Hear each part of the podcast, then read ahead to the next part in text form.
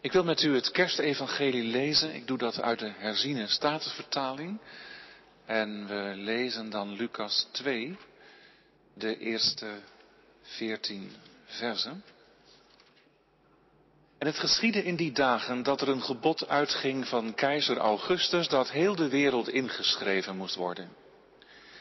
Deze eerste inschrijving vond plaats toen Sirenius over Syrië stadhouder was.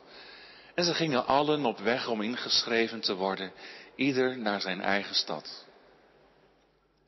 Ook Jozef ging op weg van Galilea uit de stad Nazareth naar Judea, naar de stad van David die Bethlehem heet, omdat hij uit het huis en het geslacht van David was, om ingeschreven te worden met Maria, zijn ondertrouwde vrouw, die zwanger was.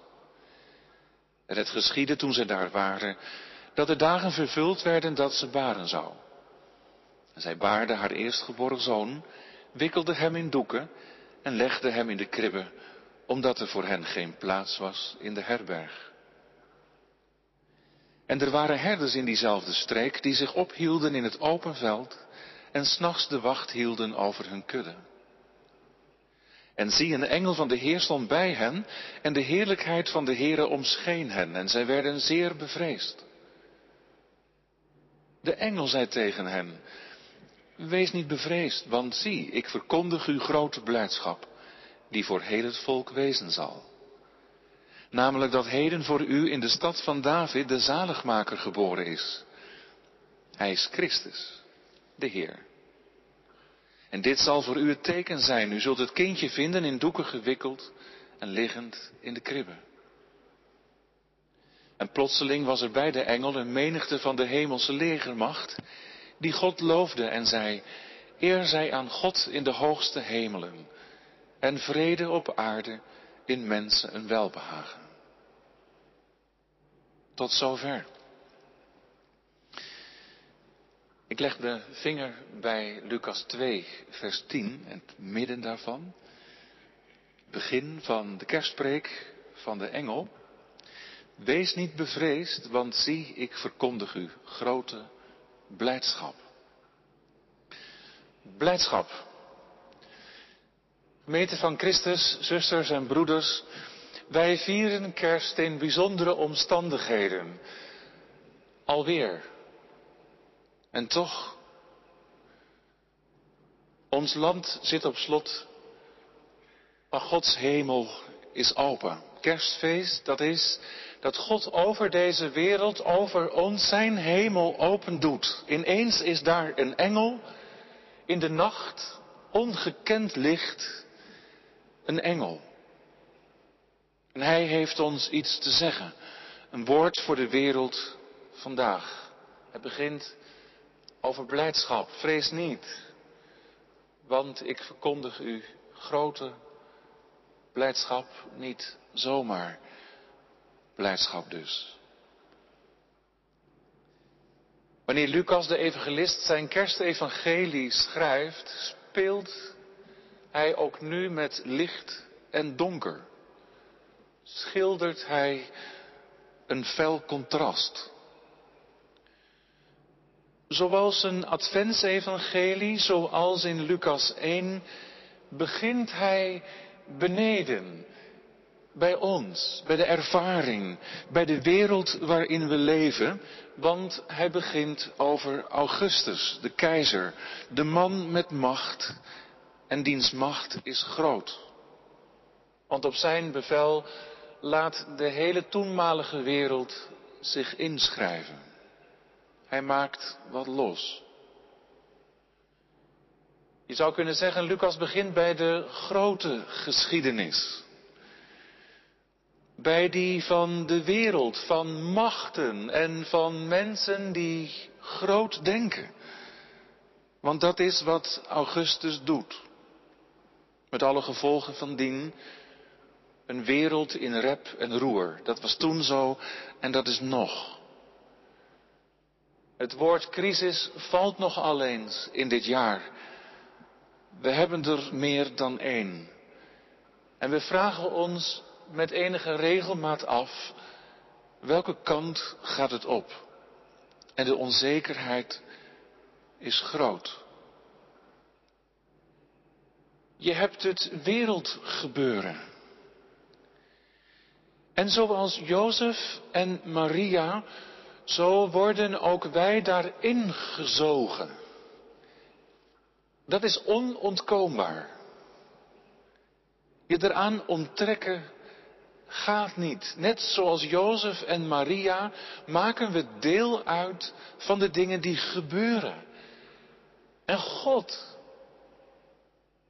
waar is Hij in alle dingen die gebeuren? Waar is Hij in die eerste versen van het kerstevangelie? In de verste verte niet aanwezig, zo lijkt het. Hoe zit het met de belofte van God?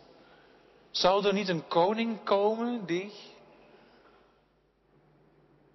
En dan ineens, te midden van al die dingen die gebeuren, wordt onze aandacht getrokken naar nog een gebeurtenis. Want weer schrijft Lucas die voor hem typerende woorden en het geschieden. Dat doet hij in Lucas 1 en ook hier in Lucas 2. En dat doet hij op cruciale momenten. Nu, nu gaat Lucas schrijven wat er in die wereld van Augustus, van ons en van mensen bij God vandaan gebeurt. Dus toch, hij is er. Je zou het zo niet zeggen, maar welke kant kijk je op? Dat is de vraag die Lucas hier ontstelt. God zelf trekt ons te midden van alle dingen die gebeuren, hier in Lucas 2, bij de kribbe. Er is een kind geboren. En wat voor een. En zoals in de dagen van Jezaja, ook heel donkere dagen, is dit kind geboren een kind van hoop in bange dagen. Hier doet God zelf ongedacht zijn licht aan. Je hebt de grote geschiedenis. En die is eerst, die valt onmiddellijk op, trekt de aandacht. Maar je hebt ook de kleine, die van twee heel gewone mensen, die zich naar Bethlehem begeven. Die heel kleine geschiedenis van een kind dat wordt geboren in een stal. En Lucas wil dat we in de wirwar van gebeurtenissen. Wie kan er nog een touw aan vastknopen op die ene gebeurtenis letten. Op wat gebeurd is in de nacht van het kerstfeest. Ik denk dat Lucas dat niet alleen wil, maar dat God die aandacht wil. Om ons een handje verder te helpen. Want het is waar. Er gebeurt in die wereld waarin wij leven, net als toen, heel veel. En het kan ons bij tijden een gevoel van onmacht geven. En we proberen de gebeurtenissen van deze dagen, deze jaren te duiden. Een coronacrisis bijvoorbeeld. En het zal wel zijn om er toch nog een beetje grip op te kunnen krijgen. Maar lukt het ons ook om de dingen die nu gebeuren te duiden? Wat zullen we erover zeggen? Wie gaat grote woorden spreken? Wie durft het aan? Lucas. En hij begint dan over een kind. Met een hoofdletter, dat wel. Hij begint dan over een kind in de kribbe neergelegd. dus Lucas zelf heeft helemaal geen poging ondernomen om zijn tijd, om het wereldgebeuren van toen te duiden. Hij begint er niet aan. Maar wat doet hij wel? Over kerst schrijven. Over een kind geboren.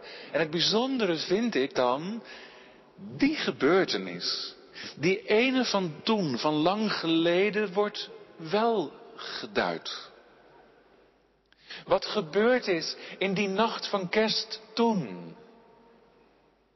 Dat wordt geduid. Niet door Lucas. Hij had het nooit kunnen bedenken. Maar het wordt geduid vanuit de hemel door God zelf. Met andere woorden. Als in deze wereld ergens het licht opvalt.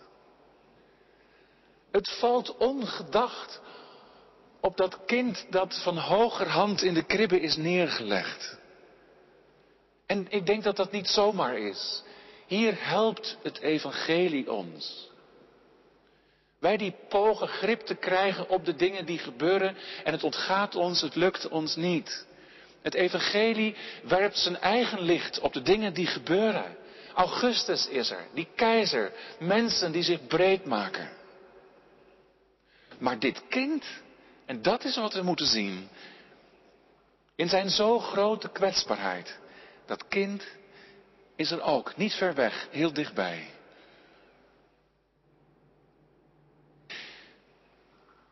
En het is dan een engel die eraan te pas komt, die licht op de zaak werpt. Plots verschijnt hij aan herders, gewone mensen, nu ja, mensen druk in de weer aan het werk. Ze houden de wacht over wat ze is toevertrouwd, de schapen. En het treft mij altijd weer dat er staat dat de heerlijkheid van de Heere God hen, dus dat zijn die herders, omscheen. Dus de heerlijke luister van God omringde niet alleen die engel, maar ook dat handjevol mensen, die herders. Zij worden ongedacht midden in de nacht in het licht van God gebracht. Zij, die herders, randfiguren. Zij die in die dagen alles behalve de eerste waren en in die wereld van Augustus ook helemaal niets te vertellen hadden. Hier ligt iets op in die nacht van Gods ontferming en genade. Wie valt die ten deel? Een engel zomaar ineens een en al licht vanuit de hemel bij God vandaan. Wat gebeurt hier eigenlijk? Hè? Er gebeurt van alles in die wereld toen, in die wereld van ons vandaag. En ineens worden mensen een handjevol herders in die wereld waarin van alles gebeurt, geconfronteerd met een heel andere wereld. Geconfronteerd met de wereld van God. En het dringt zich ineens aan ze op, die is er dus ook. Ze worden in het licht. Ze worden ineens voor God gezet. En dan? En ik geloof dat dat ergens ook is wat steeds weer gebeurt wanneer wij in Zijn naam samenkomen, de schriften lezen, het evangelie horen verkondigen. Dan gebeurt wat hier gebeurt in die nacht van kerst. Kerstfeest, dat is dat God ongedacht en misschien wel onverwacht ook inbreekt, onze gesloten levens openbreekt, neerdaalt, aanspreekt. Alsof hij wil zeggen, ik ben er ook. En weet je, mijn wereld is er ook. En hebben jij en ik die inbraak vanuit de hemel, die confrontatie niet gewoon steeds weer nodig? Daarom zijn wij ook hier. Ondertussen slaat die herders in het licht van God gezet de schrik om het hart. Ze vrezen en niet zo'n beetje ook. En dan denk je, waar zijn die, die mensen nou zo bang voor geweest op dat moment? Waarom werden zij als doden? Waren ze bang voor Augustus, de keizer? Nee. Het was ook niet zozeer het wereldgebeuren van die dagen die ze verontrust die nacht. Maar nu in het licht van God gebracht, slaat bij ze naar binnen wie zij zijn voor God en wie God is. Die herders hebben werkelijk gedacht dat ze er waren geweest. Want dat licht dat ze nu van het een op het andere moment omgeeft, is niets minder dan het felle licht van Gods ontzagwekkende majesteit en heiligheid. Het moet zoiets geweest zijn als kijken in het volle licht van een tegenligger. Verblindend. En wat nu? Als God ineens je pad kruist, zijn licht over je leven aandoet, schijnen laat. Ineens je leven binnenstapt. Die herders waren in de weer, ze waren aan het werk, wij ook. Met van alles in de weer, druk. Natuurlijk houden de dingen die gebeuren in deze wereld ons bezig. Het kan je onrustig maken. En dan is daar ineens God. En ik, zegt hij. Kerstfeest. Een engel meldt zich. Ineens doet God zijn licht aan. Je kunt met van alles in de weer zijn. En je kunt je over van alles druk maken. En ergens is het ook nog wel te begrijpen. Maar weet je dat er ook tussen jou en mij iets moet gebeuren? Ja, er gaat van alles mis in deze wereld en soms denk je, zal het nog goed komen? Maar er gaat ook van alles mis tussen mij en God. En hoe gaat dat goed komen? De herders zijn met schrik bevangen. Wie zijn wij? Wat heb ik er tot nu toe van gemaakt? Oog in oog in het licht van God gezet. Waar ben ik tot nu toe zo druk mee geweest? dan ineens. Vrees niet. Dat horen die handjevol herders zeggen. En het wordt ook ons gezegd. In die paar woorden hebben we het hele kerstevangelie te pakken. Zo heeft de theoloog Karel Baart het gezegd. Hè? De kern van het evangelie ligt in die paar woorden. Dat God zegt, vrees niet. En met die paar woorden heeft God ons te pakken. Vrees niet, horen we zeggen. Wees niet bang. En er is zoveel waar je bang voor zou kunnen zijn en misschien ook gewoon wel bent. Voor dat akelige virus, voor die chemotherapie waar je de komende tijd doorheen moet. Voor de ontwikkelingen in deze wereld. Voor de dood zelf. Of je bent je wel heel degelijk bewust van wat je aan schuld op je hebt genomen voor God en mensen. En dan is het kerstfeest. Lezen we het evangelie, wordt ons van hogerhand gezegd, vrees niet. Hoezo niet? Nou gaat de engel verder, want ik verkondig je Zie, hoor, kijk eens. Grote blijdschap. Je mag in die wereld waarin je leeft en in het leven dat je gaat, blij zijn. Midden in deze wereld. Wie je ook bent. Je kunt soms even heerlijk wegdromen bij een gave serie. Of is het misschien toch een vlucht in elk geval zoek je naar iets van vreugde. Wat is het wat je dat geven moet? Om te ontkomen aan de stress en de momenten van somberheid.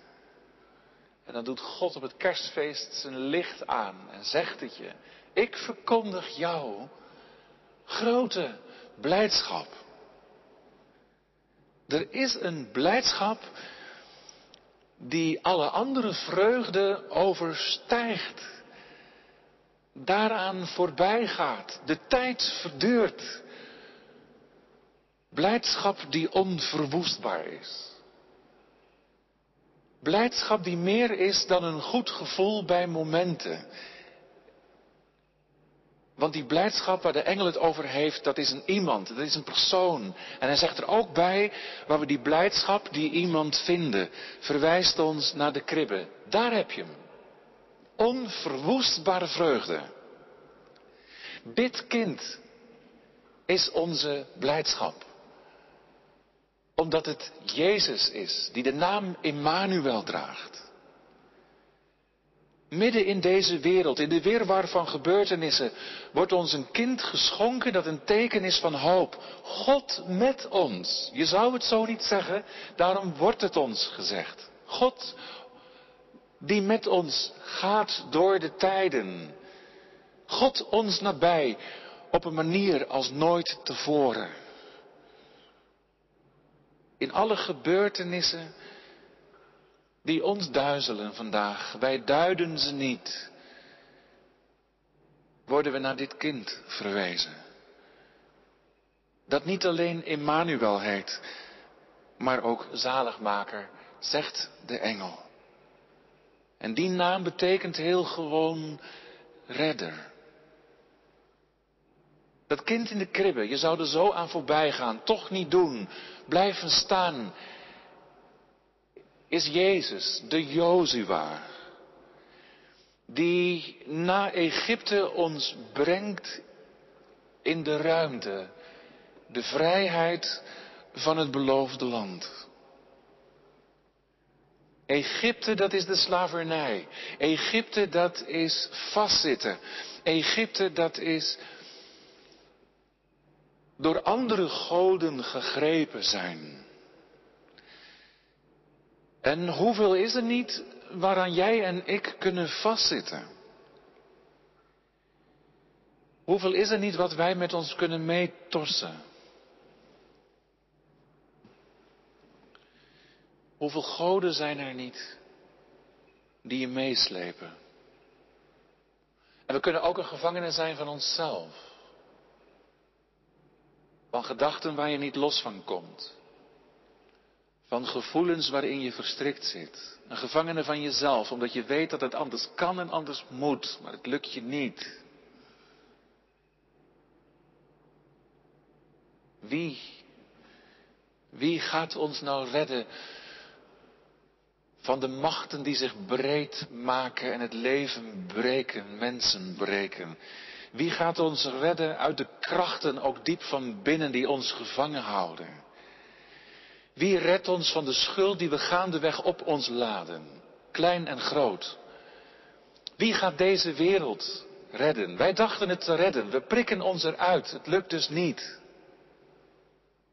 Zie, zie hoor ik zeggen, in de nacht van kerst, de nacht van deze wereld, kijk eens, we worden uit onze dromen getrokken. Verrassing. Ja, zeg dat. Het moet je worden gezegd, verkondigd, anders zou je het niet geloven. Maar dit kind, hij is het. Hij heeft gered en zal ons redden.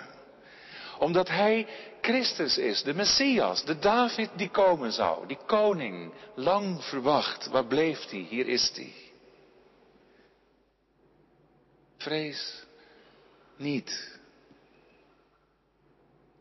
Wij mogen weten dat we midden in deze wereld, en we weten het waar we bij de kribben zijn, niet aan een of ander lot zijn overgeleverd. En ook niet aan ons lot worden overgelaten. Dat is de kerstboodschap. Vrees niet.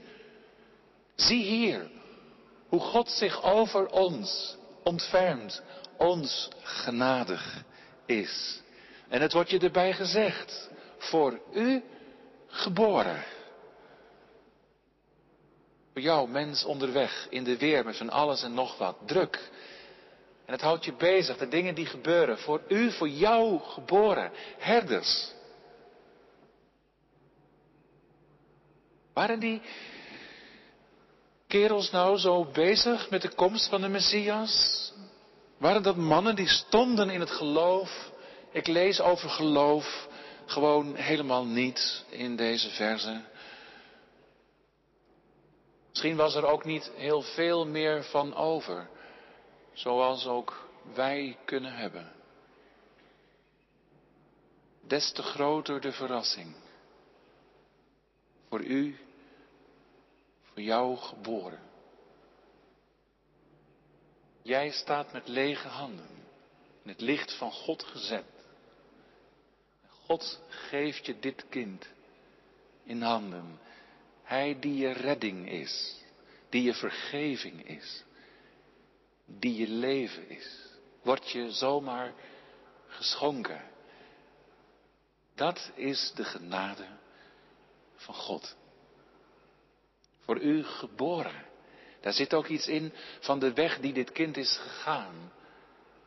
Geboren. De heerlijkheid van God verlaten, in onze duisternis gekomen. Begon met een kribbe, loopt uit op een kruis. En dan wordt hij weer in doeken gewikkeld en dan in een graf gelegd. Hij redt door te sterven. De redding van de wereld is maar zo niet gedaan. En dat is wat we ook vandaag ervaren.